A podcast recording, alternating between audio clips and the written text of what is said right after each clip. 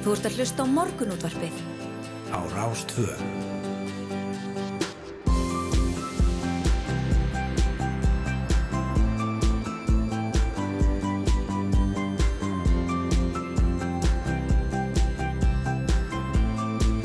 Morgunútvarpið Á Rástvö. Jújú, góðan dag með ykkur daginn 11. mæ klukkuna vandar tímyndir og sjó og það er yngvar þóru og Hulda Gestóttir sem sýta hérna með ykkur til klukkan nýju í dag Já, já, engin miskun, Nei. sittið uppi með okkur hér að mótni dags. Uh, við erum halva rallus eftir júrógleðina. Já, þetta enn í séu vímu Syngja með og fagna og tralla. Já, Já. ég er rosalega glöð með þetta. Þau, eru- þetta eru virkilega flottir fulltrúar okkar þarna og, og uh, svona einhvern veginn var búið að draga svolítið úrvæntingum og, og svona já, þetta lítur ekkert alltaf vel út en þau afsönnuðu það nú heldur betur með því að, að gera þetta svona ofsalega vel. Já, einmitt og það er náttúrulega stríð í Evrópu og dýrtíð hér á landi og þá er ágætt að fá að, að taka þátt í keppni sem þessari og um leið einmitt svona hérna vekja aðtekla á því sem er í gangi Jú, jú. Við ætlum að, einmitt að ringja til Ítalíu undir lok þáttar og heyra í Gísla Martini Baldursinni.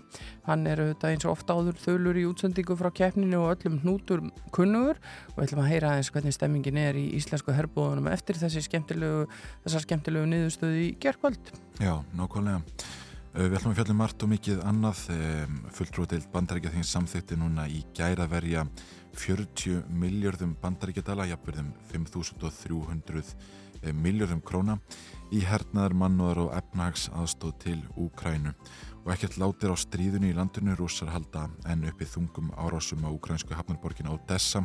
Og grimdarverkin koma sífælt betur í ljós.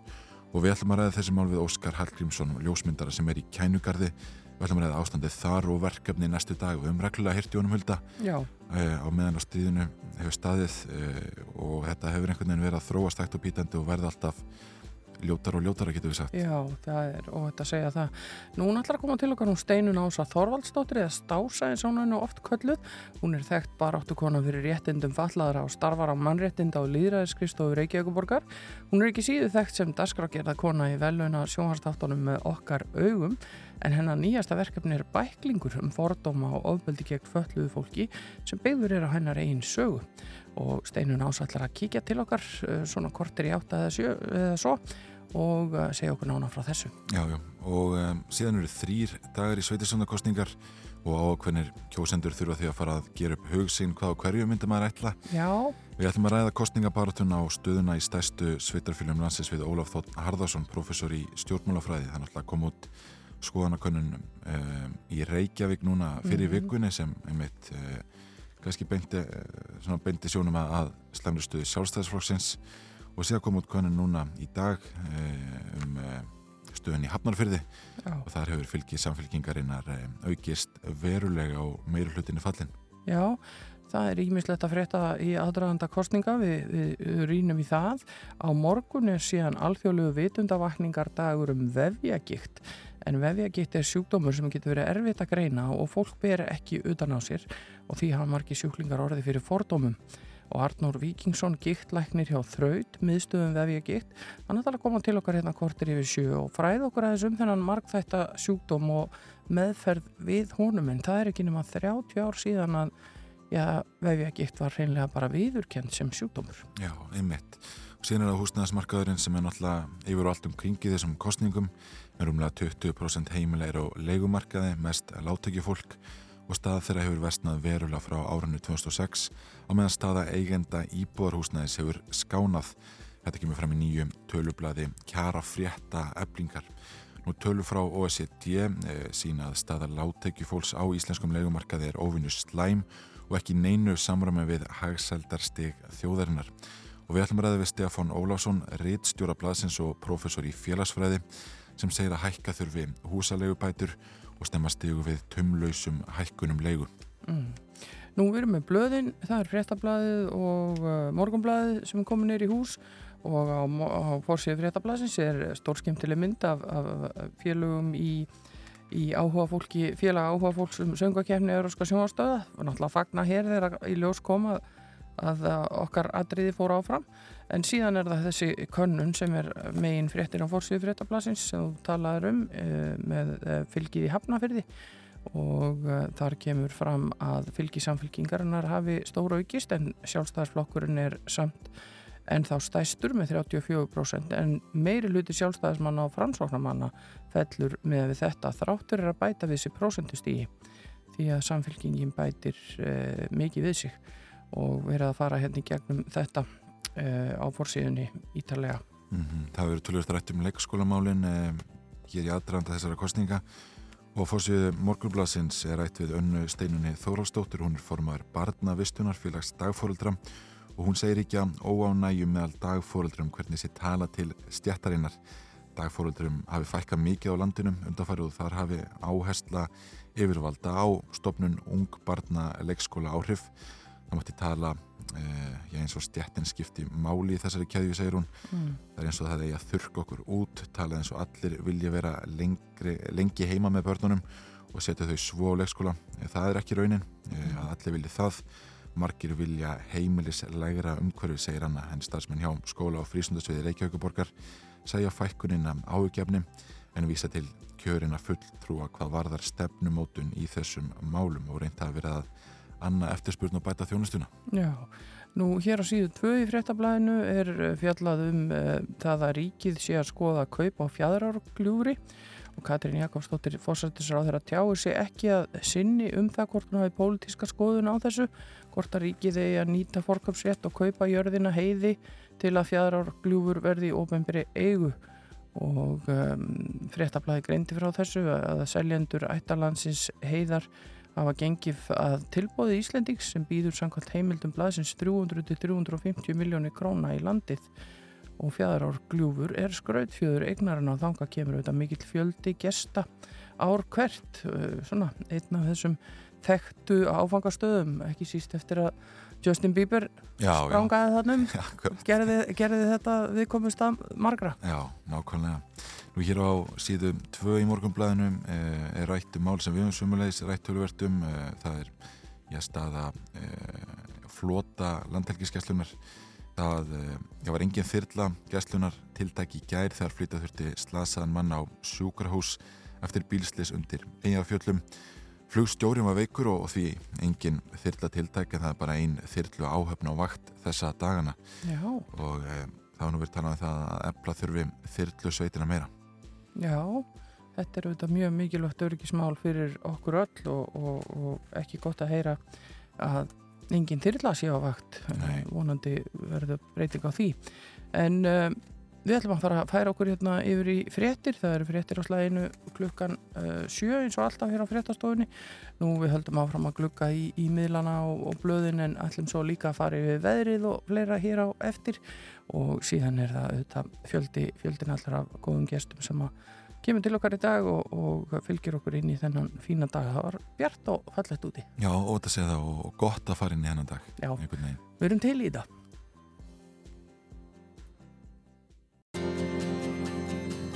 Þú ert að hlusta á morgunútvarpið. Á Rástvö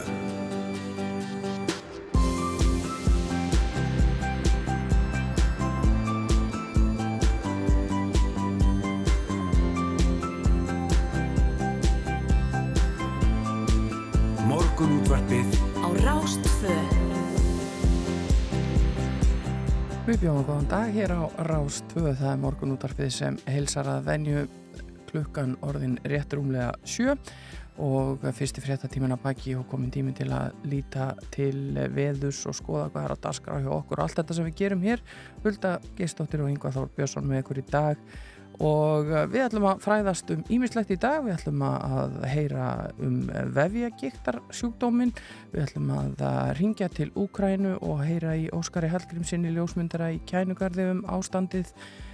Steinun Ása Þoraldsdóttir ætlar að kíkja til ykkur og segja okkur frá nýjum bæklingjum, fordóma og ofbeldi gegn fölluðu fólki. Við ætlum að rýna þess í kostningarnar en það eru einungis þrýr dagar í sveitarstjórnar kostningar. Fáum hinn eina sanna Ólaf Þórn Harðarsson í heimsók. Svo er það uh, leigumarkaðurinn og um, staða eigenda íbúarhúsnaðis hefur skánað en rúmlega 20% heimila er á leikumarkaði og, og, og hefur staða þeirra vesnað verulega frá árinu 2006 Stefán Ólásson ætlar að fara yfir þetta með okkur og svo er það örstutt Euro símtal til Gísla Martins Baldurssonar undir lók þáttar og heyra aðeins af stemmingunni þar eftir þessi frábæru úslit í gerkvöld. Já, já, við þurftum þennan sigur einhvern veginn. Já, það var já. gott pepp. Já, ég held að fólk mæti mjög gýrað inn í þennan dag, bæði svona bjart yfir og fallegu dagur og við erum með hennan Sigur, já Sigur segi við komum svolítið áfram í Eurovision. Við erum aðeins með að tilkynna Sigur hérna. Já, þetta er ákveðin Sigur. Þetta er ákveðin Sigur Alltaf hérna, að komast áfram. Já, já, einmitt og þetta þótti að mér skilst eh, svona sterkara undan úslita kvöldið Þarna var Úkræna og, og Noregur og, og fleiri lönd. Mm -hmm. en eh, ef að fara eins yfir veðrið það verður áfram norrlega átt á landunum 5-13 metrar á sekundu og snjókoma eða slitta fyrir norðan Stöku skúrir, sunnatil og rigning að að slitta sent í kvöld en hittasteg verður um meða yfir frostmarki Norðalands en alltaf nýju stegum yfir daginn siðst. Nú ef við lítum hér á kortið á veðstofunar þá e, e, já, er svona hægur vindur á, á öllu landinu getur við sagt en tildulega kallt e, á Östurlandi. Mm -hmm.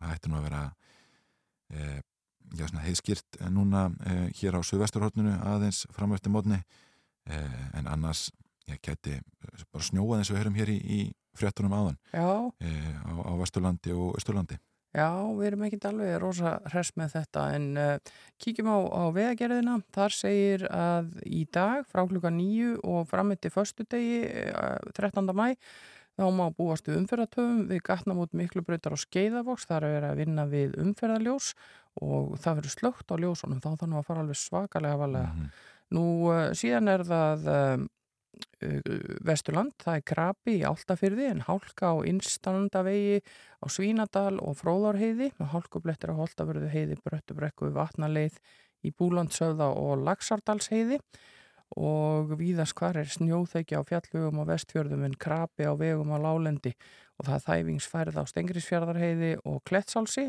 en ófært um þröskulda sem á norður í Árnes Repp og fyrir norðan er snjóþekja á Öksnadalsheiði og í almenningum krapi á ringveginum sunnan Blöndós það er hálka á Vaskarði og Þverarfjalli og hálkublettir víða í Eyjafyrði og vetra færð á flestum leiðum á norðausturlandi. Það er þæfingur á Breknaheiði. Nú á Östurlandi er krapi á Öksi, snjóþekja á Breitalsheiði, þæfingsfærðir á Vaskarði Eistra, hálka á Fjardarheiði en hálkublettir á Fagradal og hreindir á ferð viða.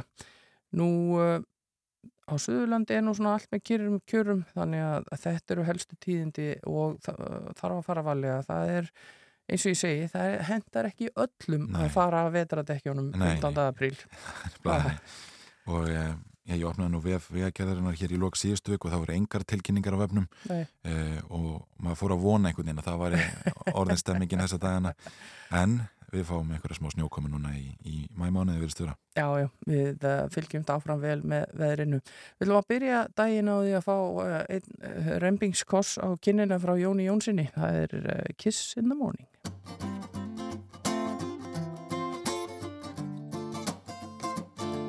Why do I always lose when I snooze in the morning on? If I were to choose I would stay here all day long But I guess it's just a part of being loved by you. You wouldn't appreciate me if I wouldn't do those things I do.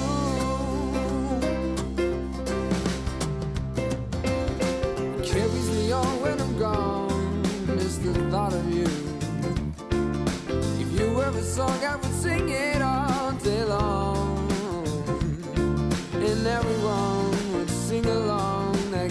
tune. But I'm the only one who's gonna see your pretty face real soon.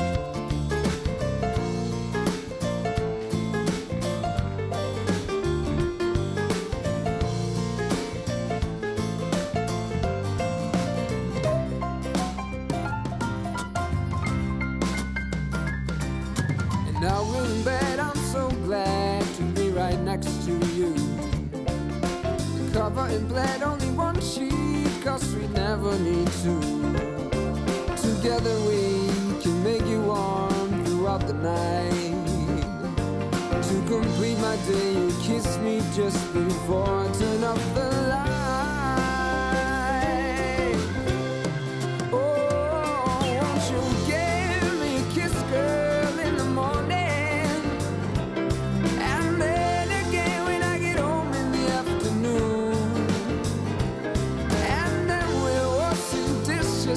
The dinner.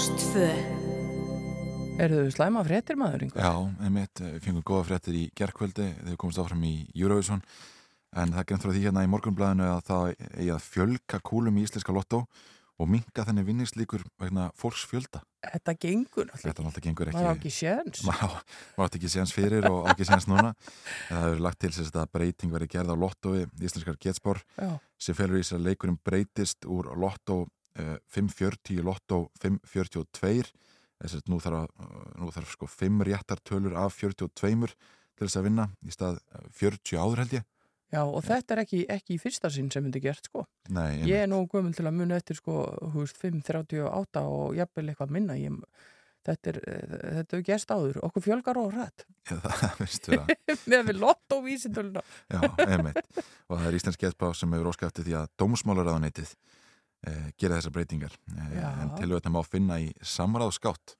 eh, þannig að fólk getur skrifað umsögnum þetta og já, látið vita, látið heyri í sér Svo því er þetta rosa lítið fyrir mann að vera eitthvað að rífa kjátt og maður gleymur svo alltaf að kaupa miða. Maður vinnur ekki mikið á meðan. Nei, nei, Maður að fara í svona áskrifti. Þá, þá er þetta búið að leysa þetta fyrir mann. já, En nákvæmlega ég ætla að leggja mat á vinningslíkunda fyrst í ljósi stöðunar. Já, okkur langar nú kannski líka að við erum að skoða hérna eh, vefmiðlana og það er greins frá því hér á, á vef RÚF að, að sko Apple eh, hafi tilkynnt í gær að fyrirtækið sé hægt að framleiða eh, hérna sögufrægu tónhlöðu Já, eins og Ævar Örn kallar þetta, þetta er iPodin iPodin. Já, frumum 20 árum eftir að fyrsta útgáfa hennar bylti tónlistarheiminum gjössamlega og rutti veginn fyrir tísku tólið iPhone eins og Já. Ævar Örn orðaða hér á VF RÚF Þetta er skemmtilegt. Ég held að ég eigi tvær tegundir á iPod. Kannski þarf maður bara að passa upp á þetta núna. Þetta geta bara orðið söguleg verðmandi og kannski kemur þetta tilbaka eins og Já, vínilspilari. eins og vínilspyrarinn þegar einhvern veginn þegar við fáum, fáum nóga því að vera sítengt og, og hérna alltaf með nýjustu tækni Já. þá fyrir við að sækja eftir í eh, eina sögufræðu tónhlöðu, iPod Þetta geggju þýðing, Já, tónhlaða. Þetta lýsir þessu mjög vel. Já þetta, þetta gerir það nefnilega Tróðfullum hlöðuna og, og þá erum við góð fyrir veitur. en hérna rétt á eftir ætlum við að spjalla með hann Arnur Víkingsson, giktlækni. Hann er að koma sér fyrir hjá okkur. Við ætlum að, að forvindast um sjúkdómin vefjagikt. En uh, fyrst er það svolítið meira af skemmtilegri músík svona í morguns árið. Þetta er uh, Fleetwood Mac, You Make Love and Fun.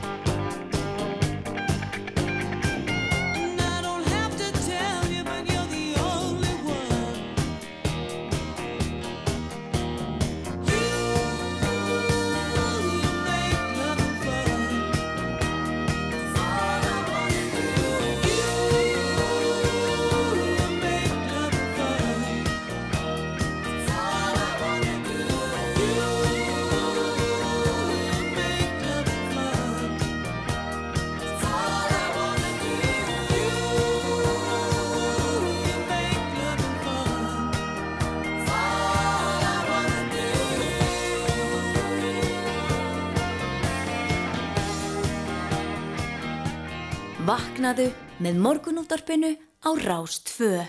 Já, við erum vöknuð hér í morgunútarpinu og fróðlegsfús að venju og fáum eh, jafnan til okkar allskins uh, góða gesti sem geta frætt okkur um hitt og þetta. Og á morgun er alþjóðlegu vitundarvakningardagur um vefjagikt en vefjagikt er sjúkdómur sem erfitt getur verið að greina og fólk ber ekki endilega utan á sér og því hafa margir sjúklingar orði fyrir fordómum þess vegna. Arnór Víkingsson giktlæknir hjá Þraut miðstöðum vefjagikt er komin til okkar og hann ætlar að fræða okkur svo litið um þennan marg þetta sjúkdóm og, og meðferð við honum. Velkomin.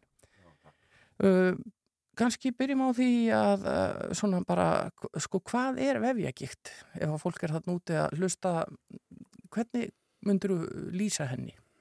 Já, Er það nefnilega- hægt yfir höfuð eða? Það er nák algjörlega hægt að lýsa vefjagikt og rauninni ekki flókið að greina hana en uh, greiningin er umverulega sem kallum klínísk hún, gengur út á einkenn, hún gengur ekki út á blóðpröfur eða Einmitt. heldur umverulega bara mat uh, læknis á, á, á sögu og líðan sjúklingsins og skoðan og það sem felst í því er að fólk sem er með eh, það sem kallum útbreyta stóðkerfisverki verki líkamannum og útbreytir því að þeir eru í öllum fjórðungum líkamanns, þeir eru fyrir ofan og neðan mitti og hægra og vinstra meini líkamannum Já, og ekki bara það heldur líka þá miðlægt, þar að segja í hrygnum, mjóbæki, brjósbæki eða hálsi. Mm.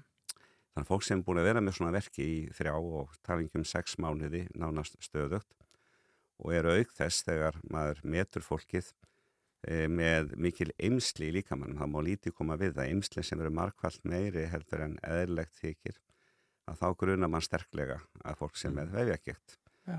og það sem þarf að gera þá er fyrst og fremst að útiloka nokkra sjúkdóma með blóðrannsóknum. Það eru sumir- nokkri sjúkdómar aðrir sem geta lýst sér að þennan máta. Og það er auðvelt að útiloka þá með blóðpröfum og þá erum við eiginlega komið með greininguna. Já. En Hver, hver er nákvæmlega enginni vefjagíktar sér? Þannig að enginni veifjakiktar eru verkir, Já. og þeir byrja oft bara smátt, byrja bara eins og vöðabólka eða einhverjir vægir bakverki sem fólki kannski búið að vera með lengi en svo er það bara eins og það flæðum líkamann, Mm. verður sterkara og sterkara og, og, eh, og fer að hafa meiri og meiri áhrif á líf fólks oft á tíðum já. og já, Það lítur að vera eins og segir, eh, sko það að vera stöðut verkjaður eða verkjuð eh, lítur að hafa gríðarlega mikil áhrif á lífhóls. það gerir það og, og það sem er að því að við öll, allir heilbyrði einstaklingar fá verki Mm. og við fáum jafnvel verki okkur minnst að degi, stundum bara eina sekund og við gleymum því, við rekum okkur í eða fáum einhverja stingi í tanna eða eitthvað sem við tökum, skiljum ekki í en svo bara horfið og við gleymum Já. því í, og svo getum við fengið mjög sterkaverki sem heilbyrjarnir staklingar, við getum brotið okkur, við getum tognað, við getum fengið gattblöru bólku eða annað sem að gefa sterkaverki Mm og, en í veifjakíktin þá er þetta oft mildari verkir. Byrjar þannig, þannig að þetta er svona rúmlega það sem að, að vera ekki með verki kannski. Og fólk einhvern veginn gefur því kannski ekki mikinn gaum. En síðan eftir því sem fara að breyðast út og eru víðar og fara að vera sterkari að, að þá einhvern veginn vext þetta og fólk fyrir að vera meira og meira vartvitin að þetta gerir svo hægt að þá einhvern veginn finnst fólki að, að, að þetta eigi bara að vera svona oft á Já. tíðum og það er oft ekki fyrir en að það er orðin færninskerðing mingu færni, fólk er hægt að geta sent heimilegstörfum, garðinum, vinnunni börnunum, annað Já. að, að fólk fyrir að, að spyrja sér býtu hvað er í gangi. Já, þá bara eh, smá dregur af fólki.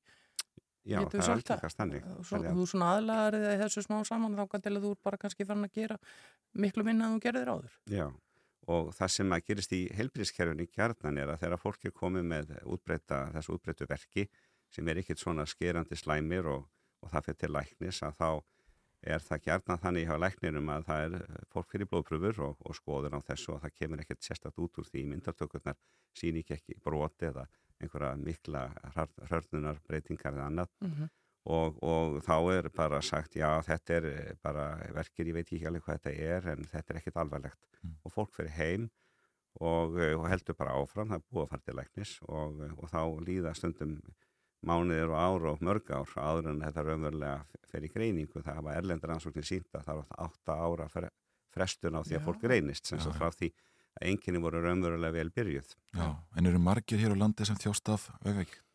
Er Það eru margir, tölur um sko, þetta? og það eru, það eru mismunandi skilmerki notuð til að meta hvað býtu hver er með vefjagikt og hver ekki e, alþjóðleg skilmerki en staðrindin er svo að, að þetta er svona algengasta þarna sem er notuð er 24% af, af þjóðinni það við erum að tala um 10.000, eh, 15, 20, 30.000 manns kannski Já. á auðvitað á mjög misjöfnu stíi Já. og um, hérna og uh, þannig að þetta er stór hópur En þegar að vefjagíktin hefur verið greint og það líkur fyrir að þetta er, er staðan, hve, hvernig er fólk meðhandlað? Jú, fyrst þarf að vefjagikt er í svona flokki sjútúma sem að já, mér vantar gott orð og ég auglýsi eftir því en það sem köllum svona starfrænir sjútúmar. Mm. Þannig að starfrænir sjútúmar, það eru sjútúmar sem að e, eiga að verulegu leiti orsakir í tögakerfun okkar og þannig er vefjagikt, það er verkjakerfi líkamann sem eru mænan, heilin og taugarnar sem eiga verulegan þátt í sem auðvitað líka stókkerfið Já. en starfræni sjúkdómar eru margir og, og geysilega fjölmennir eða algengir. E, það er þá erum við að tala um vefjagikt við erum að tala um síþreitu sem við erum að tala um verkinni vefjagikt við erum að tala um síþreitu við erum að tala um hérna verulegan heilaþóku eða erfileika með að muna á þess að maður sé mentla til hátíð við erum að tala um kvíða og við erum að tala um þunglindi og ég nefni all, öll þessi mál vegna þess að, að þetta blandast oft. Þannig að sá sem er með veifækjegt er alltaf með einhverja þreytu líka. Já. og hann sefur ekki vel, hann kvílist ekki vel. E, svona 60-70% fá einhver tíman á æfinni verið talsverðan kvíða eða e, þunglindi sjúkdóm sem að hefur ruggla með nóttir í mér og segja þetta er bara þunglindi Já. en það er ekki, það eru sömur sem að í grunnir fá kannski fyrst af þessum starfrænu kvillum fá þunglindi kvíða og síðar verkina Já. og svo læknast þeir af þunglindi og kvíða en verkefni sitja eftir og veri, er að mjög hamlandi Já. og svo getur verið öfugt líka að fólk fái mikla verki í upphafi og síðar kvíða og þunglindi og sömur fá ekkert að þessu, fá ekki, engan kvíða og þunglindi. Og er þetta þá fyrst og fremst meðhundlað með livjum eða erum við að tala um eitthvað svona sjúkraþjálfun, yðurþjálfun eða Já. allt í bland? Já, akkurat, þú spurður um þetta og ég glemdi mér, en, en meðferðin, hún fælst í því að, að meta, eða mat, maður þarf að meta sjúklingin. Er þetta fyrst og fremst bara verkjavandi, er þetta í bland við annað, Mhm. hvíða, þunglindi og annað og þá þarf maður að, að meta út frá því hver er rétta meðferðin. Þess vegna þarf að helst þegar fólk er orðið sæmilega slemt að það fara fram svona þverfælegt mat á þessu. Þannig að meðferðin, það má skiptin eða í, í svona, við gerum þátt í svona fjóra þætti, það fyrsta lagi er að fræðsla vegna þess að verkið eru komni til með að vera, þeir hverf aldrei að fullu, þeir getur verið miklu betri, þannig að fólk þarf að vera, þetta er svona sjálfsjálf sem fólk þarf að læra, það þarf að læra hvernig það á að vinna með svona vanda, það má ekki ágera sér því að þá aukast verkinnir og, og hérna gjarnan og, og það þarf að læra að vinna með hennar sjúkdómi eins og aðra króníska sjúkdóma, þannig að það er fræðsla, það er að hugsa um líkamann sem að fælst í líkamstjálfun Mm sem er allt frá því að vera mjög lítil, þetta er sumir þól ekki meira yfir að vera bara e, þólþjálfun. E, það er hugræn meðferð sem að fælst í því að breyta alls, alls konar forritum í heilanum okkar Já. sem að, að, að, verketin búa til alls konar vannlíðan sem við eiginlega áttum okkur ekki alveg á og, þurfum, og fólk þarf að, að breyta þessum forritum. Mm. E, þetta er bara náttúrulega forrit um hvernig verkir stjórn okkur Já. og síðan er það lif. Já. Þannig að, að fyrir ekki hérna, fræðsla líkaminn, hugurinn og lif. Já, rétt í lokina því tíminn flýgur hjá okkur uh, sé fólk þarna úti og, og, og haldi að það jafnvel sé með þennan sjúkdóm hvert á það að snúa sér, er best að byrja bara á helsugesslunni? Alveg klárlega, byrja á hilsukjæslinni og, eh, og fá mat þar. Eins og ég segi, það þarf gætnan að fara kannski einhverja blóðpröður til útilokkara sjúkdóma og síðan er í sjálf og sér ekki flókið að greina sjúkdóminn, það þarf að átta sig, með þurfa að átta sig á hvort þessi einhver annar giktarsjúkdómur samhliða samfara þessu, útiloka það og meðhandla það. Og síðan þarf að fara fram svona heilstæð meðferð sem að byrja í heilsukjæslinni klárlega. Og ef að fólk eh, er ekki að ná árangru þar vaksandi færniskerðing og vandamála þá þarf helst að vísa því á, á það staði sem að sinna því. Já, takk hjálpa fyrir að koma til okkar Arnór Víkingsson, gittlæknir hjá þraut miðstöðum vefjagitt og fræða okkur svo litið um þennan sjúkdóm og, og meðhandlun við honum. Takk hjálpa fyrir að koma. Já, takk fyrir.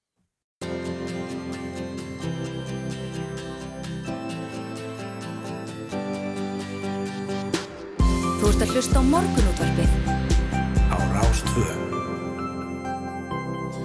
Morgun útarpiði heldur hér áfram og við ætlum að ræða ástandið í Úkrænu en uh, Óskar Hallgrímsson, ljósmyndari sem er búsettur í Kænukarði komin á línuna, góðan daginn. Já, góðan daginn. Sko við heyrum að því fréttir núna í gerðkvöldi að rúsa sér enn að halda upp í þungum árásum á Odessa og sjáum að þessi grimdarverk koma sífælt betur ljós. En hvernig er staða núna í Kænukarði?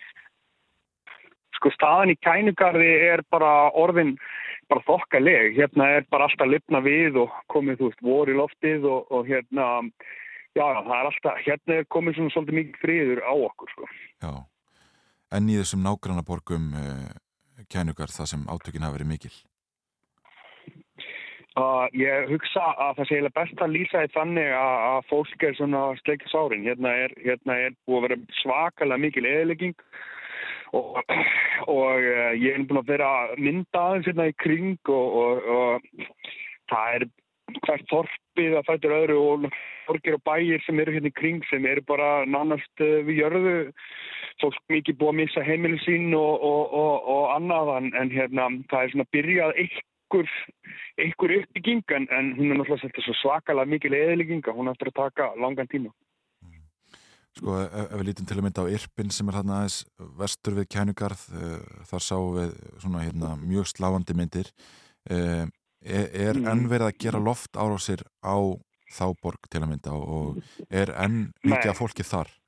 Það er náttúrulega alltaf verið að reyna að gera loftárásir á kýf og, og hérna og uh, stundum er þess að bara hérna núna í síðustu viku það lendi, eða þar síðustu viku, já, það lendi flugskeiti hérna í kýf Um, og það kem, kemur eitt og eitt svona í gegn og, og hverjum einasta degi, ég menna í gær voru þrjár, fjórar svona loftarnabjöllur, daginn þar á undan voru alveg sjö.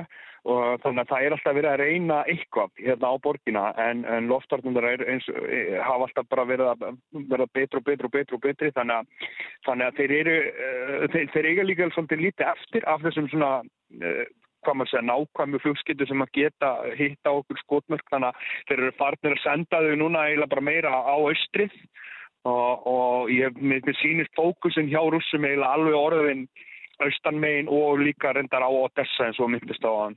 Mm. Já, þegar við heyrðum í þér í fyrsta skipti þegar árásinn var nýhafinn þá uh, varstu nú svona frekar rólugur en nú eru vikur og mánuði liðnar og ímislegt gengið og þú er búin að sjá hræðilega hluti. Hvernig bara Já. gengur ykkur og, og, og fólkinu þannig kringum þig bara að höndla þetta? Já, ég, sko, mér, ég, þetta er svolítið erfitt að útskýra svona, að, ég held að stór hluti af þessu eftir að koma í ljós í finna mm. að maður er alveg finna, finna fyrir tögakerfi og mann er ekkert sérstaklega gott eftir að núna vera með það út þannig í, í, í yfir þrjá mánuði mm -hmm. um, en, en við erum ég og konu minn erum ágættir félagar og, og hérna stiðum hvort annað mjög vel í þessu öllu saman en, en fólkin í kring, þetta er náttúrulega svakalegt sár sem er að myndast hérna í þjóðina og, og þú veist uh, þessi reyði sem er, sem er komin í, í, í fólk sérstaklega því að núna eru rússar bara alfarið hættir að heia stríð eða þú veist svona eins og maður myndi halda hefðbundi stríð væri núna er þetta eiginlega bara orðið eitthvað ég veit ekki hvað þetta er orðið af því að þeir eru bara fartir að ráðast nær, nær engungu á borgarlega skotmörk og, og þessi þorp og þessi, borg, þessi, þessi spægir og borgir sem eru að koma undan russum þar sem þeir hafa verið hefni hertekinn svæði það verist vera stríðsklæpir, bindingar, nöðganir og allt eiginlega nánast okkur með einsta stað sem mm. þeir hafa verið á og, og sérstaklega eins og núna ég er að fara til Harkív núna næstu helgja mynda og þar sagt, eru þorp sem eru að koma upp núna bara síðustu dögum það er komið svona counter-offensive í, í, í Úkrænum og þeir eru að íta úr russunum í burtu á svæðum sem þeir hafa verið á eiginlega allan tíman og það er bara sama komið ljós þar eins og var í Bútsja bara nákvæmlega ja. sama uh, sömu sögur, fjölda aftökur hópnöðganir og allt þetta ræðilega sem maður var að heyra af og, mm. og sama gildi líka þessi svæði sem eru að koma núna í ljósi kringum Hersson sem eru á Suðuströndinni, það er sama að koma í ljós þar, þannig að það er eiginlega bara já, það er eiginlega bara svona mikil reyði, mikil sorg Uh, og, og, og fólk er bara að sjá einhverja vonarglætu af því, því að það virðist vera það að rúsa séu í alveg að skýta og stríði séu mjög mikið að snúast í hag úkrænumanna mm. sem er gott en, en á, á sama tíma er náttúrulega bara hvert höggi og fætur öðru sem að maður þarf að einhvern veginn að- gleipa. Sko, þú nefndir náttúrulega aðan að þú hefur verið að fara með myndavæluna á helstu átakasvæði síðustu daga og vikur. Getur þú líst í Mm. hvað þú hefur séð? Ég sé bara, eins og ég held að það sé best að lýsa, ég sé svakalega eyðileggingu. Og þú veist, það er ekki bara þessu svona eyðileggingu sem að maður geti ímyndað sér að sé í stríði upp á það, þú veist, um, einu og einn, eða þú veist, að, þeir myndu sprengja eitthvað upp óvart eða þú veist að það myndi fara upp í hliðar eitthvað, eitthvað, eitthvað svona uh, fallbjössu skoti eða hvað sem það myndi kallast að, að, að, að eitthvað myndi brotna, það er, meira það bara svona skipuleg markvis eðilegging sem er í gangi bara inn á heimilum fólks. Þess að rússarnir hafa verið, þú veist, þeir taka allt og brjóta það og bramla það, þú veist, algjörlega að óþörfu. Það er stjónar einhvern tilgangi, annað heldur en að, annað heldur en að bara vera með skeppnuskap og það er það sem ég sé. Um, það, það virðist einhvern veginn vera þannig að þeir séu bara eðilegja til að eðilegja og, og, það er svona það sem, ég, sem, að, sem að býtur helst á mig, er, er að sjá sjá skeppnuskapa því þú veist þetta er svo, svo svakalega mikil íska áþörfu. Og það er svona það sem helst það sem ég ekki glýst það er náttúrulega náttúrulega um dauða og sorg og annað en, en þetta er svona það sem að býtur helst á mig er að sjá, er að sjá það, veist, ég fyrir inn að heimili fólks. Og ég sé eigur þeirra, þú veist, ég meina, þú veist, ég meina, ég finni barnaherbyggi og það er kannski, þú veist, matar, matar klessur búið klínað í, í barnafötin og jafnvel, þú veist, bú- búið að- að létta að sér í, í, í, í fataskáp og eitthvað svona bara algjör, bara svona skeppnarskap sem að maður myndi ímynda sér að einhverjir, þú veist, fullir úlingar verður að gera. Og, og hérna já, bara svona ógislegt áþurfi og, og það er svona helsta sem að ég sé og, og ég er mikið, núna er ég að fara í fyrsta skipti þarna alveg austur Mm. og það áttur að skrýta að sjá hvernig það áttur að að líti út Já, nú uh, fylgist auðvitað heimurinn með og, og, og uh, þjóðirnar uh, hver að fætur annari hafa lísti við stöðningi við Úkrænu og, og við sjáum allskins skilaboð. En svona þegar lengra frá líður finni þið fyrir þessum stöðningi sem stöttir í Úkrænu eða, eða er þetta eitthvað minna en það var í upphafi?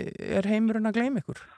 Sko, ég er eiginlega búin að vera að segja sömu möndur frá byrjun er að það, okkur er eiginlega alveg sama um sko yfirlýsingar og stuðning. Og það er það sem, sem var gert fyrst þessi klassíska við fordamum árásir og sem var ekkert að bakka það, Mhm. annað heldur um bara fordamingin sjálf. Og hún í rauninni hefur ekkert skipt Úkræn mjög alveg gott og hlýtt að fá henni stuðning upp á það að gera en, en, en uh, það í rauninni skipta, skipta einhver mála því við, það vissu það allir hérna að Putin var alveg sama um einhverju yfirlýsingar.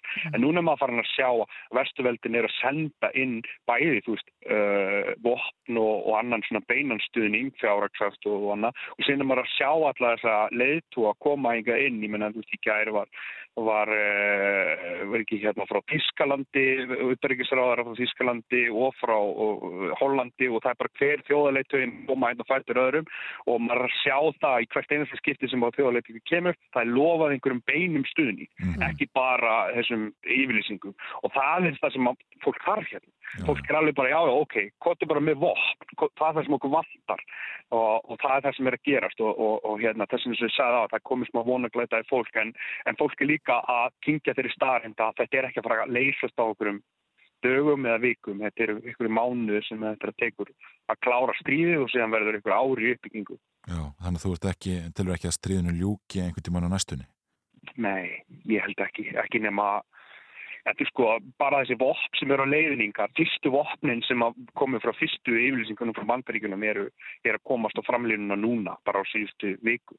Og restin af þessum vopnum sem eru búið að lofa okkur er, er, er ekki komin á framlýnuna og, og það er það sem þarf. Og hérna og leiðuður eru komin og, og, og þeir eru að koma núna, það er byrjað að nota þessa hávitsir byssur til dæmis, það er komið það er, og þær eru líka fartan að skila svakalum árangri, þessi þorp sem eru að koma hana fyrir austan undan þessast við kringum Harkif er, er, er, er allir liti þeim byssum að þakka.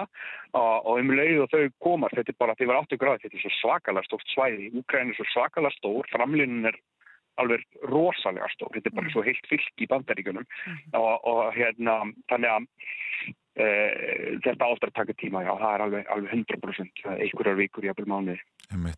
Óskar Hallgrímsson, ljósmyndar í kænugarði, takk fyrir að gefa þið tíma að ræða okkur í morgunútarpinu og gangiði vel. Já, takk, gott að heyri ykkur. Bye bye. Sömulegis, bless, bless. Já, við höldum áfram hérna, hún ætlar að setjast hjá okkur eftir augna blik, hún Steinun Ása Þorvaldsdóttir, en við ætlum að heyra hér uh, í ukrainska Eurovision-lægið í fyrra Mm -hmm. með uh, Góa sem átti nú að koma hingað á söngukefnina, þetta heitir Sjömm. Весняночка, весняночка, де ти зимувала, я садочко на клиночку, сорочечку пряла,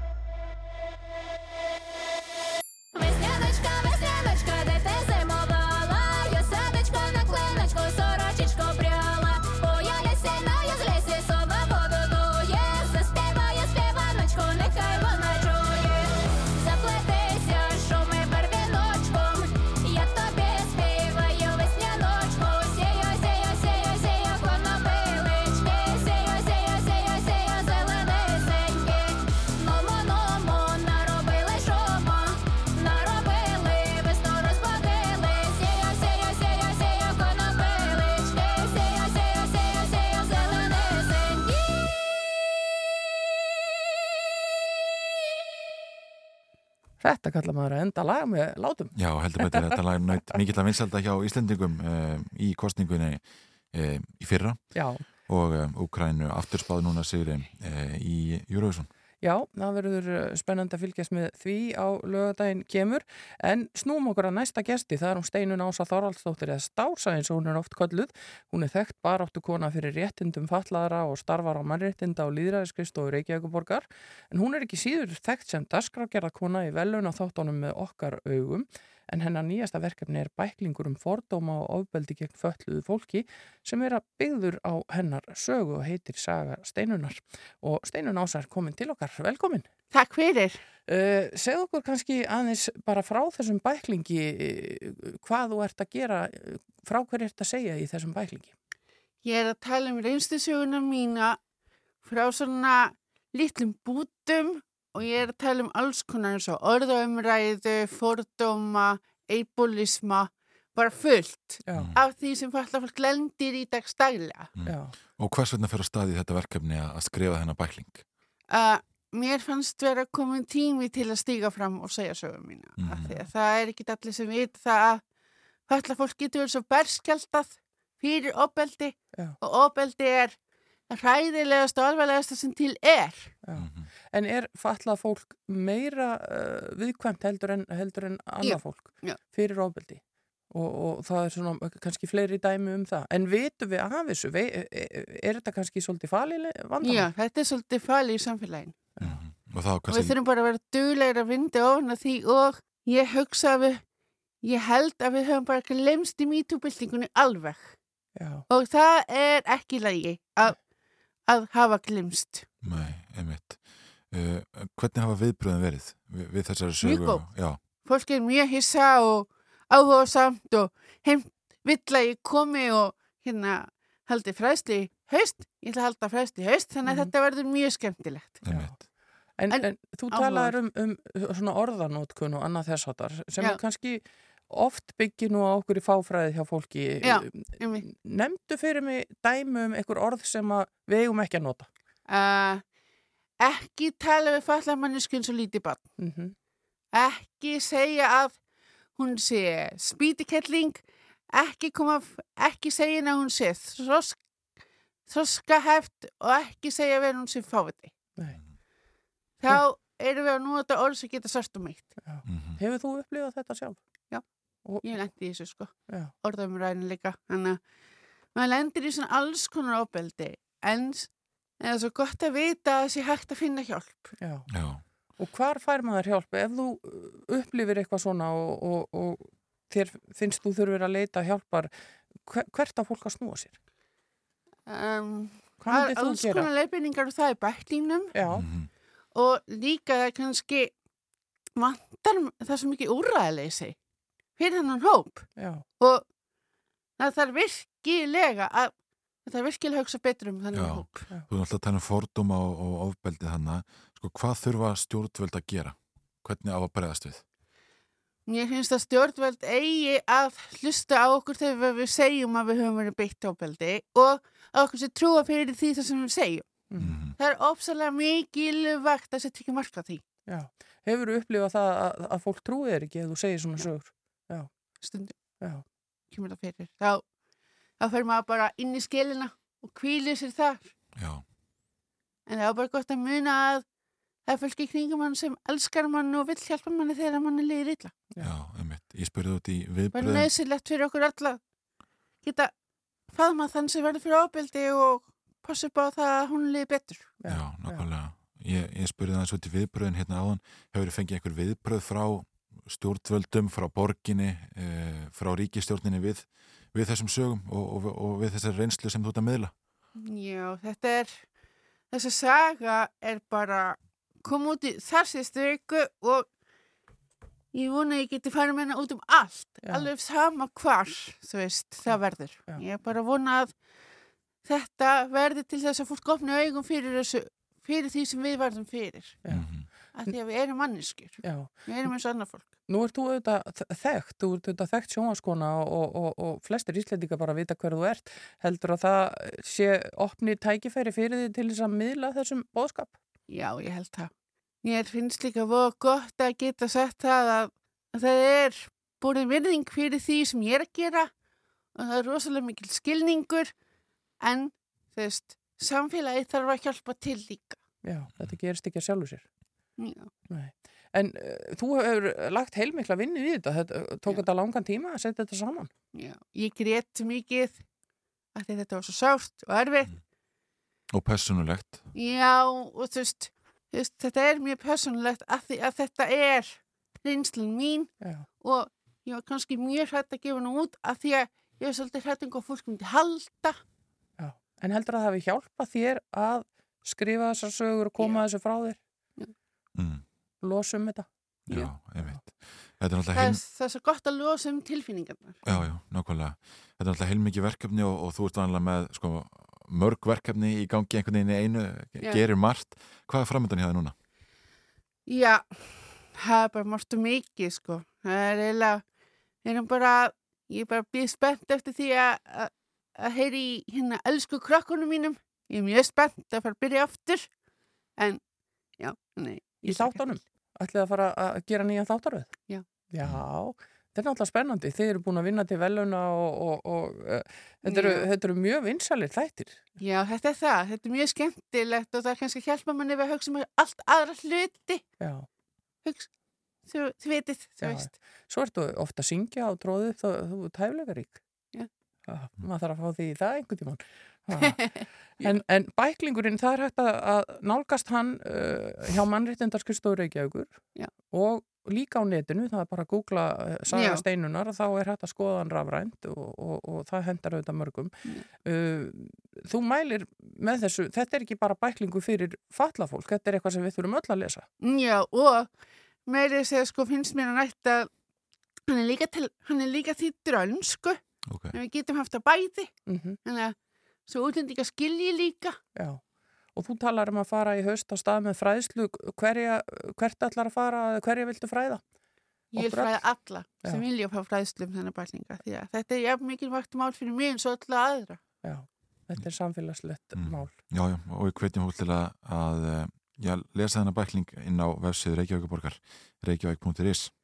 Já, það er þetta að sjá hann þar. Uh, Steinun Ása Þorvaldsdóttir Stása, takk fyrir að koma til okkar í morgunúðarfið og, og segja okkur frá þessu, þessu góða verkefni. Það er saga Steinunar og uh, eins og yngvar sagði hægt að skoða þetta inn á vefnum. Takk hjá fyrir að koma.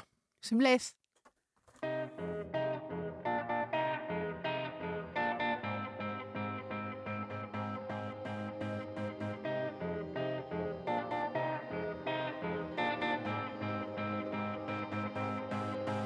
Ég sá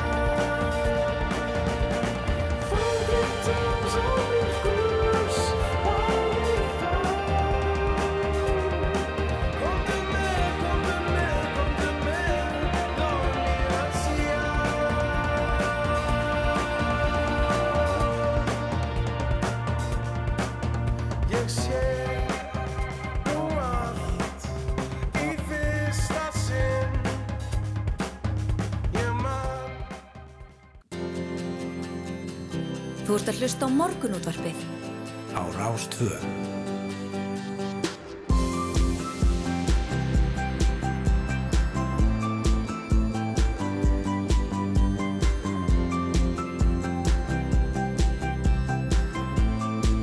Morgunútvarpið Á Rástfö. Jú, morgunúttarpið heldur hér áfram eftir áttafréttir og við ætlum að ræða sveitastjórnarkostningarna sem nú er einingis þrýr dagar í og óákveðnir kjósendur þurfa því að fara að gera upp hug sinn hvað úr hverju. Ólafur Þótt Harðarsson, professor í stjórnmálafræði, kominninga til okkar, góðan daginn. Góðan og blessaðan daginn. Það er kannski rétt að byrja þessari nýju könnun sem byrtist í fréttablaðin í morgun um stöðuna í Hafnarfyrði. Samfélkingin er í stórsókn og já, meiri hluti sjálfstæðismann og framsóknarmanna uh, er fallin. Þetta eru nú tölvera fréttir.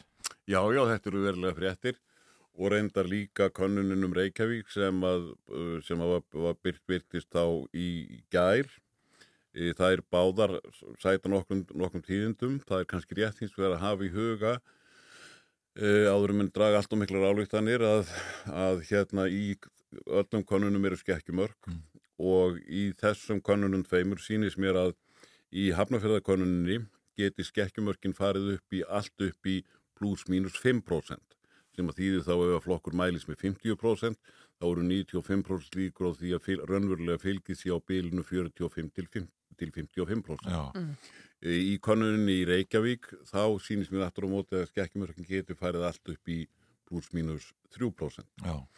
Ef við skoðum konunina í hefnafyrði þá eru náttúrulega megin tíðindin þar þau að miða við þessa konun þá er meirilutin fallin og að samfylkingin bætir við sig tveimur fulltrúum uh, fer úr, eitthvað um fer úr 20% í 31 í sjálfstæðisflokkurinn hann heldur bara sínu í, sem með, með, með ein 34% bara samofan með síðast en hann tapar einu bæjarfulltrúa.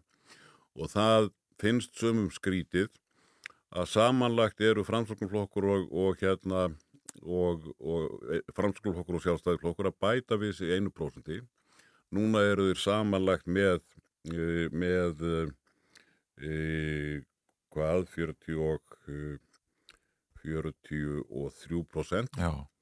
en sko síðast voru þeir samanlagt með innan við, eh, þeir voru með prósenti minna, minna síðast Mm.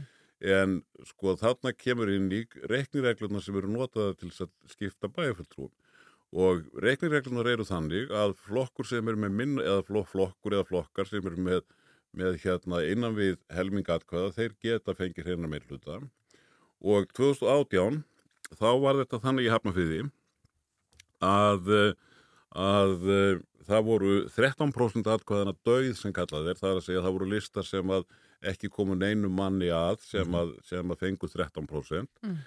Hins vegar þá fengu, fengu hérna e, fengu sjálfstæðisflokkur og framsóknarflokkur e, 2018 e, rétt tæp 34% Hi- en hinir þeir flokkarnir sem komast inn Já. í bæðstjóðina, fjórir að þeir voru með 45% þannig að í síðast gáfu 42% hreinunum meirulhuta þessum tveim flokkum hreinunum meirulhuta en hin, hinir fjóri flokkarnir sem voru með 45 þeir fengu minnirhuta fullt Já, já. og í rauninni gerðist það sama í borgarstjórninni í Reykjavík e, í síðustu kostningum að þeir sem að flokkarnir sem eru núna í meirulhuta þeir fengu þá uh, fengu þá 46,4% en flokkarnir sem að komust inn í Reykjavík þá uh, en lendi í minnuluta uh, þeir fengu 47,6% Mhm. þannig að, að sko, reiknireglan sem er notuð, hún getur skipt verlu máli. Akkur er þetta ekki bara haft einfalt? Já, Þetta er bara- nú ekkert mjög flókið en uh, það hefur hins vegar lengi verið deilt um reiknireglunar svo regla sem er notuð heitir domtreglan Já. deilt með 1, 2, 3, 4 og uh, hún heglir frekar stórum flokkum Já. sem þýtti það að stórin flokkar voru ofta að fá meira hluta í sveitarstofnarkostningum þó þeir væru kannski ekki nema með 46, 7, 8% atkvæða. Og þetta var mjög algengt í Reykjavík þegar sjálfstæðisflokkurinn var í mörgum kostningum með á bílinu svona 47 til 53% atkvæða að þá var hann ofta að fá hreina meira hluta út á kannski 48% atkvæða. Og þeir vildi náttúrulega ekki breyta þessar reglu því að hinn aðal reglan sem við notuðu heitir Sandlagú-regla hún hauglir ekki stórum flokkum Nei. þannig að í mjög mörgum tilfellum þá hefðu flokkar sem eru svona svolítið undir helmingsfylgi eh, fengið, þeir hefðu fengið eh, þeir fá hreinan meira hluta sem sé með dontreglunu en þeir hefðu ekki fengið það með hinni Já. þannig að, að menn hafa ekki viljað breyta, breyta þessu e, það hins vegar þá e, það sem gerist líka þarna í Hafnarfyrði er það að, að það voru sex flokkar sem komust inn 2018 en það eru fimm flokkar samkvæmt þessari konun núna. Og náttúrulega meiri hlutin fallin en hins vegar þá er eiginlega augljóst af þessu sem ég var að segja um reikniregnur og útreikningin að það þarf ekki mjög mikið að breytast til þess að, að þessar niðurstöðu gætu, gætu breyst. Einhverjir af þessum flokkum sem eru úti gæ- gætu komist inn, þeir eru að mælast með 4-5% þurfa kannski að fara upp í tæplega 7 til að ná inn manni Og þannig var FG til að mynda? VFG er undir þarna og miðflokkurinn er að tapa fulltrú og bæjarlistin er að tapa fulltrú og VFG hafði ekki fulltrúa fyrir en, en, en uh, uh, megin breytingin, það er rauninni megin breyt, breytingin þarna er, eða það er kannski þrengt sem að mér finnst aðtilsvert sko. Í fyrsta lagi er náttúrulega mjög aðtilsvert að, að, að, að samfélkingin er að bæta við þessi 11%. Þa, það er bara mikið hérna eiginlega það er enn, enn meiri breyting heldur en hjá framstofnflokkum í Reykjavík sem að miða við kannarindar er að fara úr 3% ríflega 2018 í 12. Í öðru lagi er það náttúrulega mikil frétt að í konuninni er meiri hlutin fallin og það þarf auðvitað ekki að verða raunin á kjördag en er greinilega algjörlega opin, opin möguleiki og það þriðja sem vekur aðtekli mína er að í þarna í Harmafyrði þá er sjálfstæðisflokkurinn ekki að tapa. Á sama tíma og hann hefur verið að fá mjög vond, vondar niðurstöður úr konunum hér í Reykjavík.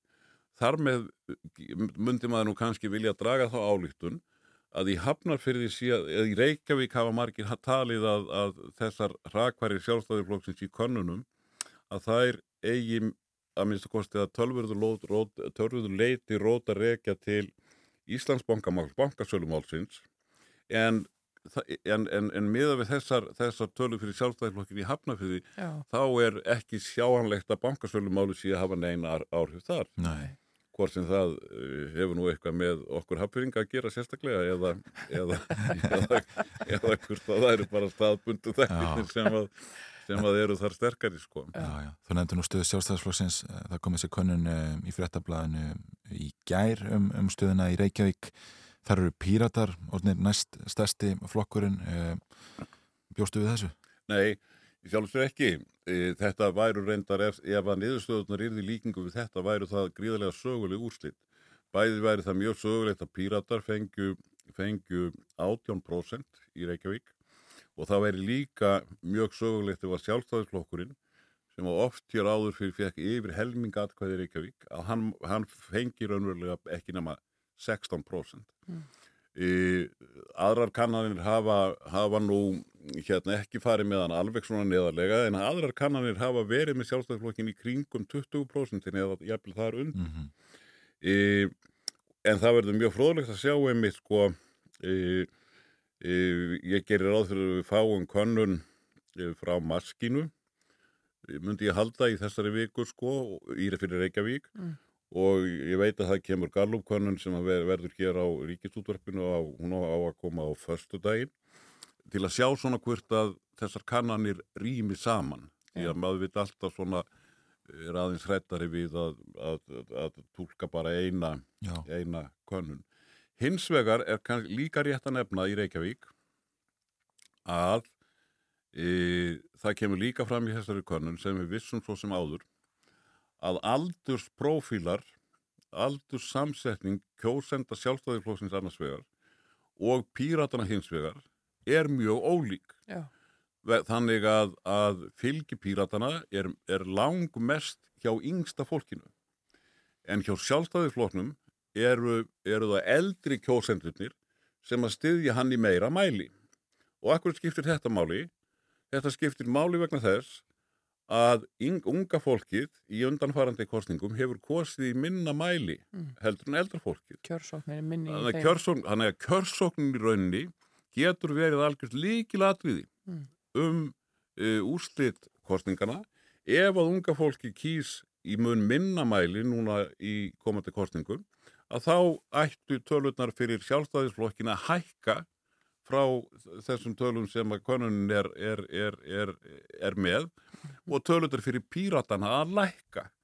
E, og það, það myndi gera sem sé bara ef að kjörsóknir er minni hjá unga fólkinu þó að tölundar í sjálfu sér í konuninni væru alveg réttar. Mm -hmm. þannig að það er nú ennþá heilmikil, heilmikil spenna í þessu. Já, þetta fer kannski eitthvað litið eftir í hverju eru duglegast er að skuttla á kjörstað Já, ég held að með þessu hættir að skjútla kjörstað Nei, nú, öruglega ekki Nei, það er nú, nú ánægilegt að heyra það að, að einhver stað þessi enn skjútlað kjörstað Já. það var nú reyndar gætnan sagt sko að við séum ágætan kommunista sem að ringdi aldrei á, á, á hérna í, í sína skrifstofu, hann ringdi alltaf í sjálfstæðurflokkin vegna þess að hann vildi ekki tefja sína menn frá því að vera að kera sig á kjörstaðin en sjálfstæðismennir væri bæði með betri bíla og fleiri og gerði þetta bara mjög vel. Já, en ef við lítum að könnun í Reykjavík tölum aðeins meirum hana, e, þá eru sósælistar hér með 7,7% sósælistar eru stærri en bæði Vafki og Viðreist eh, eru sósistar þarna að taka eða sækja fylgi sem vanlega hefur verið hjá eh, Vissi Grænum Já, þeir, það er nú reyndar víða sko, það, það er, reyndar í því sem ég hef séð, þeir eru kannski ekki endilega alveg eins mikil samgangur milli Vafki og, eða sem sé í fylgistraumunum milli Vafki og sósilistan eins og maður hefði kannski haldið þó að það sé eitthvað. Uh, inn í þetta mengi kemur líka flokkur fólksins. Flokkur fólksins er, virðist vera tölvert mikið að höfða til sko, svipaðra hópa Já. eins og, eins og sósilistaflokkurinn. Uh, en um, sósilistaflokkurinn náttúrulega í, í alþingiskostningunum þá var hann að mælast tölvert herra í konunum heldur en síðan kom upp úr kössunum eh, þó hann fengi nú endanum yfir 4% en, en enga þingmenn af því að út af 5% þröskuldinum uh, hann fekk eins og verið einn mannin síðast og sumar kannanir hafa verið að mæla með tvo í Reykjavík, aðrar með, með, með einn Uh, en uh, hann stendur í rauninni uh, miða við allt og allt bara, bara tiltölulega vel. mm. maður heyrir svona þegar maður talar um kostningarna með fólk að mörgum þykir þetta óspennandi í, ár eh, upplöfuð þú það? Er, hérna, er þetta leiðinlega kostningaborta? Það finnst mér ekki. Mér finnst hún mjög málefnileg og skemmtileg. Ég hef verið að hlusta á fjölmiðlættir eru svo döglegir við að vera með þætti. Þeir, hafa verið margir hér, mjög góðir. Kostningahlaðvarpið og þættir með frambjóðendum á hérna á e, bæði fréttablaðið og vísir og morgumblaðið hafa verið með svona netþætti eða sem sé sjónvastætti á netinu sem að hafa verið, þetta hefur verið mjög vel dekkað, ég veit að við ekki með áhorfið á það en, en hérna e, menn talum að þetta hafi verið döflegt sko og ég hef nú oft sagt sko að ég hef nú að menn er að segja það nú alltaf en sömum finnst þetta með döfara móti og uh, náttúrulega þess, hefur þessi ólga í landsmálunum sjálfsagt dreigið svona úr allavega áherslunni í aðal fréttum á sveitarstjórnumálinn en þeir sem hafa áhuga á sveitarstjórnumálunum og vilja kynna sér uh, hérna kynna sér sjónum við frambjóðanda þeir hafa mörg og góð tækifæri til þess Mhm.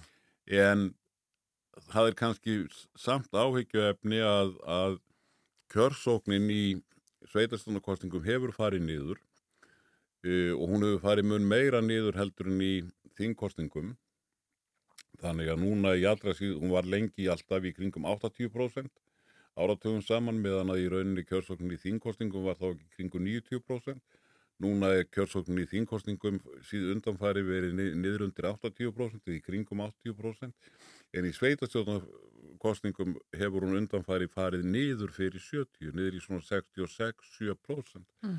og það gæti alveg gerst núna að kjörsóknin færi enn meira niður.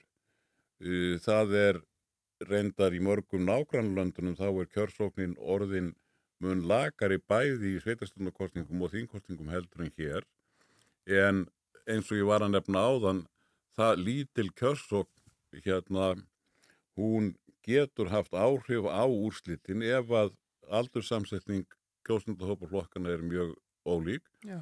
en það veit ég að veit ég reyndar að píratar vita það og hafa verið mjög duglegir er mér sagt við að reyna að koma skilafóðum til unga fólksins sem að það verði nú að koma sér á kjörstað Já. það skiptir þá eða þetta mjög miklu máli Já.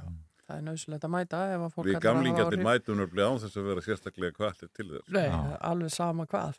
Þú ætlar að vera hérna líka auðvitað að venju í sjónvarpinu á kostningavögunni þar og, og, og greina málinn með, með makkarnum þínum og búa. já, já, það er, það er, það er á planinu Já. þó við síðan komnir á áttræðisaldur Bara fullt af reynslu. Já, Mm. mm. hvenær gerur ráð fyrir að niðurstöðu leiki fyrir og við fáum já, loka tölur úr, úr uh, já, alltaf loka tölur úr Reykjavík sem berast síðast. Það er nú, ég, ég man þetta nú ekki alveg en, en það, ég held að þær hafi nú gerðan við síðastar eða allavega með setniskipunum. Það eru oft komnar tölur bara um miðnætti sumstaðar og mjög víða kannski milli 1 og 2 en stundum hefur þetta dreigist til kannski 4, 5 ef ég man þetta rétt að fá, fá síðustu tölutar en menn býða náttúrulega alltaf eftir tölunum úr lokatölunum eða úr lokatölunum úr, úr Reykjavík. Já. Einmitt að vera áhört að fylgjast með kostningavökunni í ár. Ólega Þórn Harðarsson, professor í stjórnmálafræði, takk fyrir að kíkja til okkar í morgunúttarpið. Já, spennandi helgi framundan, er ekki nóg með að við þurfum að fylgjast með úslitum í Eurovision, heldur kemur kostningavakan beint uh, ofan í þetta allt saman og við verðum með kostningavöku líka hér á Rás 2, við skulum ekki gleyma því. En við ætlum að heyra hér næst í stjórninni, þetta er uh, glænýtt, þetta er svona blandi póka, heitir í skíjónum.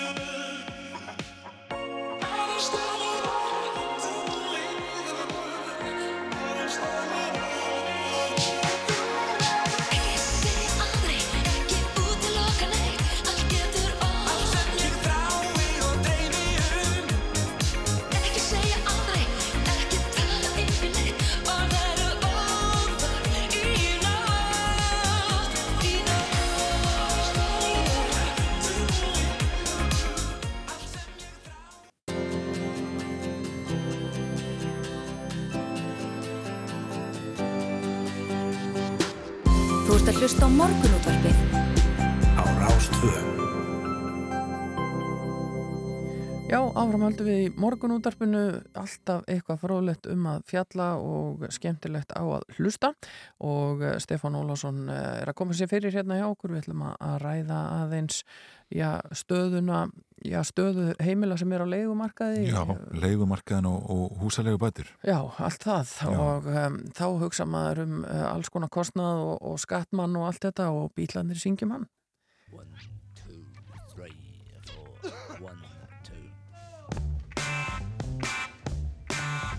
Let me tell you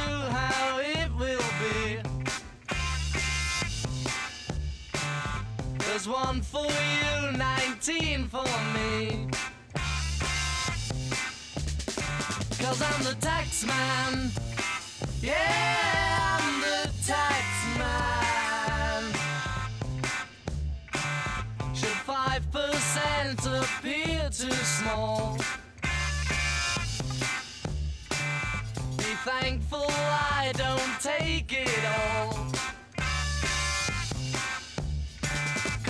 Tax man.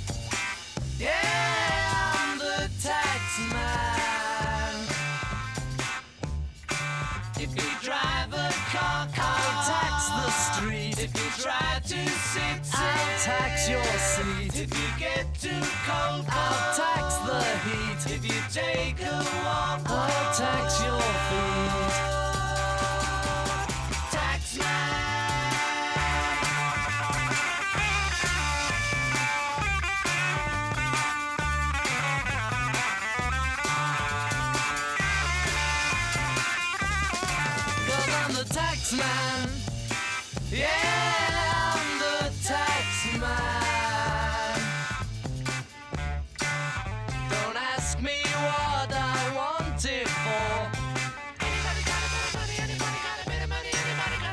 you don't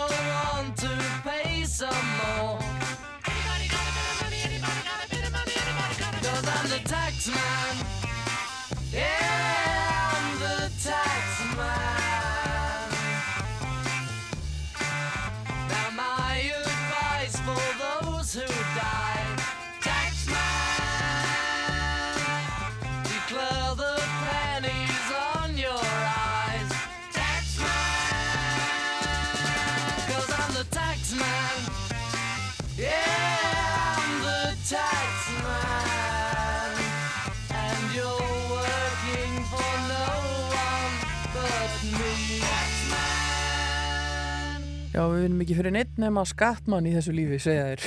Einmitt.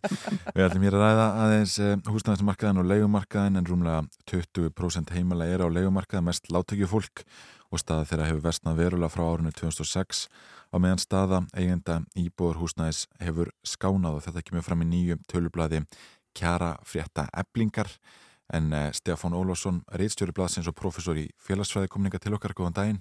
Góðan dag. Og hver nákvæmlega er staða leigjenda núna? Já, hún er uh, afleitt eins og þarna segir. Það er, uh, það er uh, sko, bæði hefur náttúrulega hækkun og leigu verið gríðaleg. Síðustu tíu árin meir en 100% meiri hækkun heldur en við höfum séð í nokkru öðru Európulandi nema kannski helst í, í, í Tyrklandi um, en þeir voru að hækka frá miklu lægra stíi, verðstíi sko. Þannig að, að bæði þetta og, og síðan þegar að leiga er að hækka langt umfram laun þá náttúrulega þarf fólk að leggja stærri hluta af ráðstöðunatekjum sínum í leiguna. Og uh, þetta er nú eitt af því sem að fólk kemst ekki undan sko nema mjög takmörkuðu leiti nema þá að fara í einstaklega löggæði af húsnæði. Og við sjáum það bara að uh, meðaltali eru leyendur að setja 45% af ráðstöðunatekjum sínum í leigu hér á Íslandi. Þessi 20% heimila sem er á leigumarkaði. Eh, almenna viðmiðið í Evrópu eh, og sem að hefur verið samþýtt hérna heima er að, heimilegi ekki eða meir en 25% í, í leigum eh, af ráðstöfunartekjum. Þannig að meðaltalið er langt þar fyrir ofan. og síðan erum við meðnærið í kringu 10% leiðenda sem eru að, að verja 70% eða meira af ráðstöfunartekjum í leigu og, og það er náttúrulega bara algjörlega ósjálfbært fyrir rekstur heimila og, Mm. og um, svo þegar við horfum aðeins yfir lengri tíma síðustu 15 árin eða svo að þá mm, fyrir hrun þá, þá var ekki svo miklu meira um íþingjandi húsnæðiskostnað hjá leigendum heldur en hjá þeim sem voru að kaupa eða byggu í eigin húsnæði en það er verulega dreigið í sundur uh, með, með þessum hópum þannig að það er tvöfaldast stærð þeirra sem eru með íþingjandi húsnæðiskostnaði í hópi leigjenda meðan það er fækkað aðeins hjá þeim sem að sem að eru í eigin húsnæði þannig að. Þetta er bara afleitt staða Já, einmitt, það kemur hérna fram í þessari útætt ykkar að staða láttöki fórs á íslenskum leigumarkaði sé ekki neinu samræmi við hagseldarstig þjóðarinnar. Hvers vegna er þessi staða hvers vegna er þessi staða uppi? Já, þetta liggur nú kannski bara í því að stjórnvöld hafa daldið, hafa daldið hérna litið á leigumarkaðin sem svona bara í algjörðu auka hlutverki í húsnæðisgeiranum á Íslandi og, og hafa ekki syndunum sem skildi. Það var til dæmis eina stóru kröfunum í síðustu kjara samningum var að, að hérna fá leigu þak, einhverjar hömlur á verðhækkanir á leigu sem að týðkast víða í nágrannlandunum. Þetta hefur ekki fengist emt einu sinni og, og, og bara þegar við horfum á það að, að nýlega tölur frá OECD sína það að, að uh, hvað snertir láttökjufólk á legumarkaði að þá erum 60% þeirra sem eru með íþingjandi húsnæðiskostnaða jafnaði uh, á Íslandi sem er það næst vesta í Evrópu, þeir sem að standa verið en Íslandingar í þessu eru gríkir Spánverjar, láttökjufólk í Greiklandi, láttökjufólk á Spáni er sveipaðri stöðu og láttökjufólk á Íslandi. E, það er lægra hlutfall í Bandaríkjónum og Breitlandi e, sem að er nú ekki þekkt fyrir að vera mikil velferðaríki. E, það, það er lægra hlutfall af láttökjufólki sem er að glýma við íþingjandi húsnæðiskostnað heldur en á Íslandi og þetta bara, þannig erum við algjörlega í raungum félagskap. Við, við erum miklu ríkara samfélag heldur en Greikland og Spátn og, og eigum að vera miklu meira velferðarsamfélag heldur en Bandaríkin og Bretland.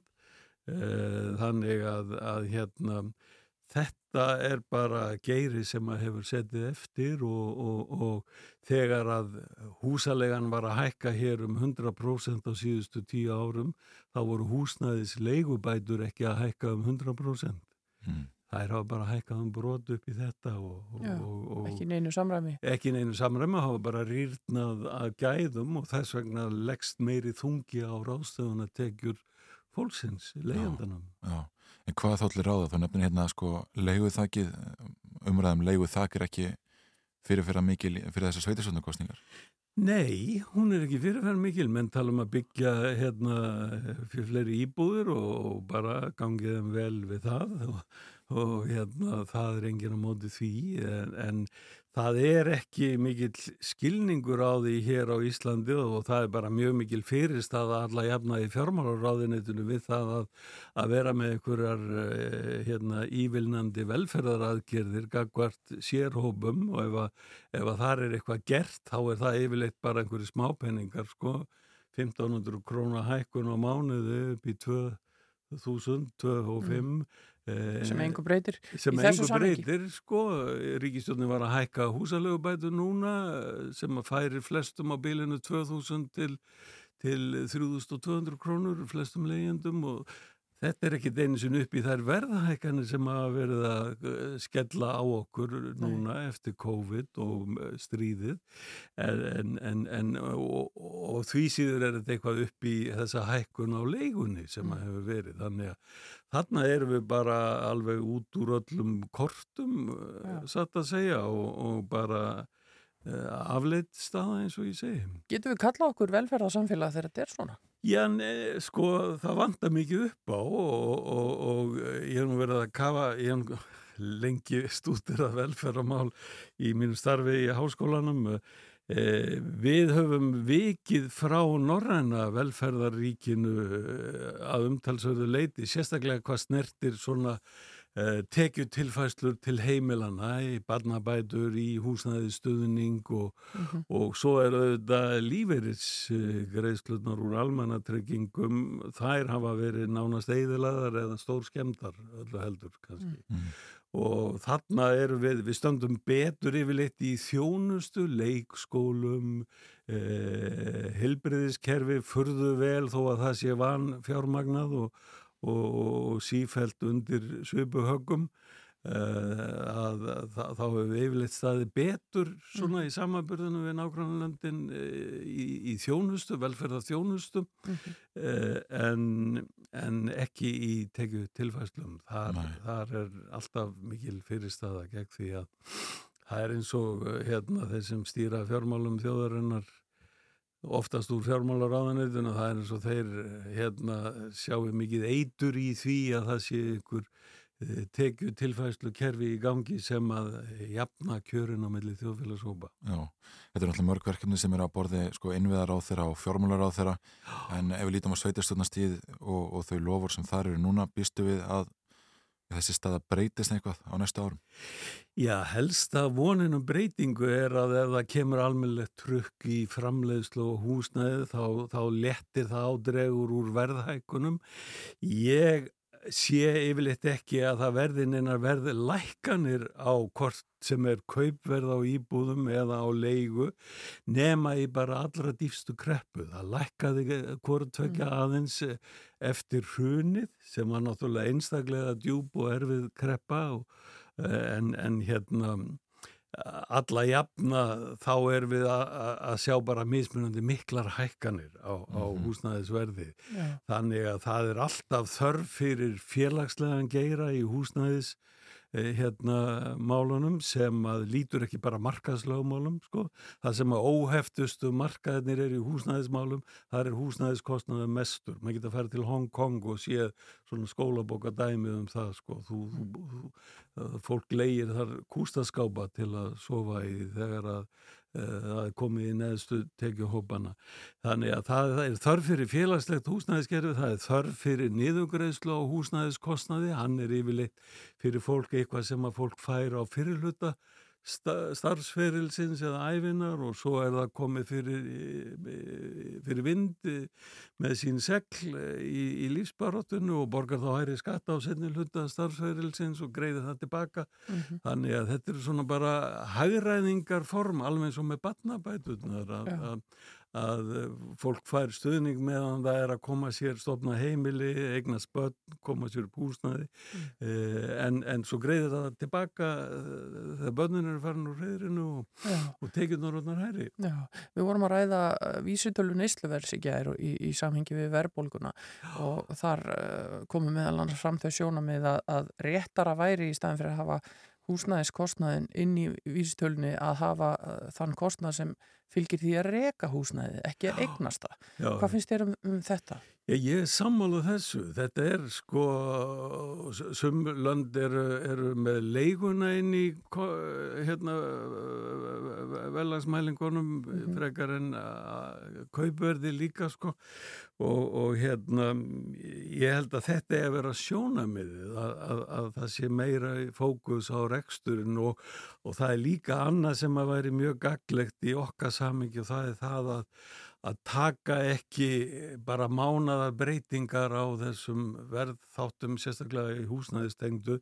inn í vísitöluna heldur taka lengri tímabil, sex mánaða meðaltöl ársmeðaltöl þannig að, að, að það verði ekki þessar risa sveiflur sem að geta orsakast eh, við verðum bara að horfast í augu við það að það hefur einkent okkar húsnæðismarkaði miklar sveiflur af því að hér hefur ekki verið haldið nú vel á skipulagi uh, á, á, á byggingu íbúðarhúsnæðis og, og, og, og, og þess vegna þurfum við að hafa einhver verkværi til þess að dempa þessar sveiflur. Já, nákvæmlega.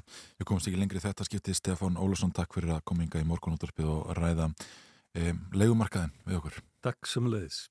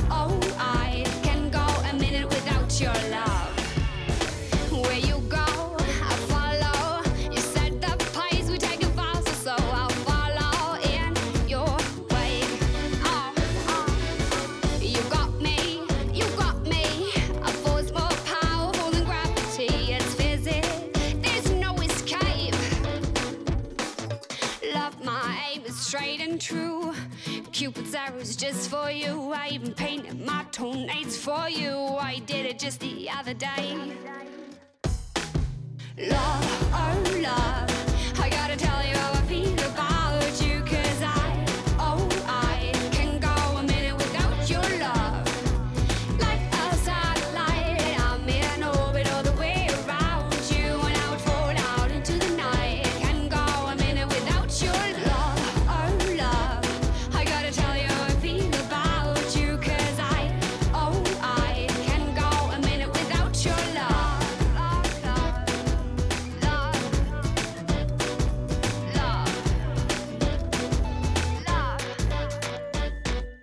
Var sigurlæður úr Eurovision söngvakefninni árið 2010 hinn Þíska Lena og línunni hjá okkur er Gísli Martett Baldursson eh, sem stattur er í Eurovision heiminum á Ítalíu. Góðan daginn Gísli.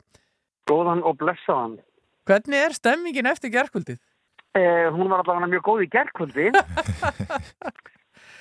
og, eh, og ég er núna hérna í leigubíl á samt, á samt slóvenska kommentatornum. Uh, við erum að fara að samferða af hótelinu til þess að fara á sagt, fundin með kommentatorunum sem að hérna, er eina fólki sem að þarf að þarf að halda áfram að vinna sagt, þessa næstu tvo daga því að í dag og morgun snýst allt um eh, hinn undan riðilinn. Já, einmitt. Þannig að íslenski hópurinn á svolítið frí innan gæðsalapa, þetta er endalust að gera hjá þeim af því að þau eru að- í myndatökum og viðtölum og allt það.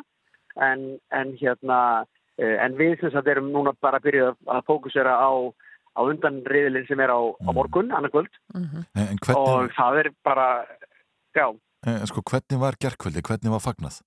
Það var, ég skal bara segja þér nákvæmlega vegna þess að hérna, það, ég held að þó sem við vorum öllu þetta heldum í vonina þá, þá hérna, þá vissum við að þetta væri bara ekkert, örugt, ekkert í hendi. Örugt við fylgdum við bæði Dafa og, og Hattar, við vorum nokkuð í vissum að, að uh, þau atriði kæmust áfram, það hefur algjör skellur að komast ekki áfram. En við, ég held að innst inni hafi, hafi Lovisa Elisabeth höfundur og sýsturnar verið komin, komin með svona dálítið uh, alveg sáttar við það að færa Evrópa bara svona fallegt lag og svo ef, að, ef að það hefði ekki komist áfram þá væri það, þá væri það þarna úti og fólk getur lustað á það ef það vildi. Um, en, en svo bara kemst það áfram og líka svona snemma þarna í, í röðinni og, og við bara hérna, öskruðum mikið og, og hlóum og, og hérna og föðmuðumst í höllin í gær og þær fóru í fullt af viðtölum og það er blaðamann fundur strax eftir sem allir þeir sem komist áfram, öll þeir sem komist áfram eru, eru sem sagt sittir fyrir svörum og það er dreigið hvort þú ert í fyrri hluta eða setni hlutanum á lögadaginn. Mhm. Það er almennt talið betra að vera í setni hlutanum og við lendum þeim megin. Uh, og síðan var bara, hérna, ég nefndi nú ekki að býða alveg, þannig ég tók svona hopp hlaupahjól höllinni, hérna sem þetta er alveg svona hálftími, 40 mínutir með á svoleiðis tæki, heim og hótel og ég var akkurat að renna í hlað á sama tíma og, og íslenska rútan kom. Heru, þá var bara hóteli með sko móttöku fyrir okkur. Já. Við vorum ekki mikið búin að gera eitthvað, það var náttúrulega orðin eitt um nótt eða eitthvað Já. og við heldum ég að við mættum ekki verið með einn læti. Nei, nei, það var bara hóteli með sko drekk hlað við borðaða veitingum og, og hérna og, og hérna bara einhverjir íslendingar sem voru ekki á sjóun en eru samt sem á hlutum sem svo með staðskrafstjóri, Skeptin Guðmundsson sem var 50 í gær, Já. þau bara byggðu eftir okkur Almennilegt og bara Felix Bergson held Já, já, Felix held, held mjög góða ræðu og Sigga held smá ræðu fyrir hönd uh, sýstrana og svo bara skálað og hleyið og dansað fram á rauðan nótt. Já, Ég held að hef bara að sofa svona, svona klukkan tvö eða eitthvað og, og var bara með fyrstu mönnum. Þetta, svona á að gera þetta.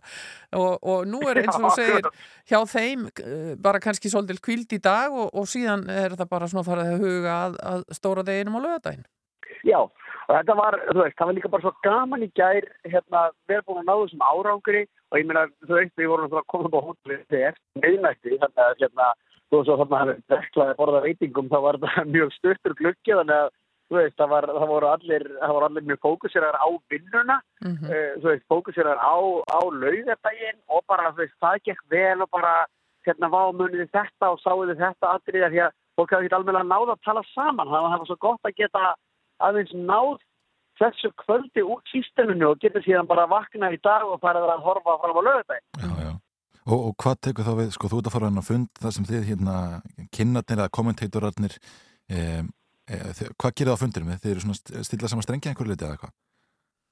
Já, það er sko þá verður að fara yfir það, ok, hvernig mun sjóið byrja og það verður, ég veit, það verður mikið kvart því að, að ítalendir e, voru eins og í gær, þá byrjaði sjóið eiginlega á þessu atriða sem er einhver smiður sem að var einhvers konar leður þetta vinsi að það er gosa, var smiðan að dróna og það var með voiceoveri, það var svona einhver ítalega að tala. Já. Þetta er mjög óvinnulegt, venjulega fáum við svona 30 sekundur eða eitthvað af svona sagt, hljóðulausu svona uh, útsýnisflugi yfir borgina eða eitthvað álega þannig að kommentatorarnir í hverju landi geti sagt eitthvað Mhm. við sína orðum.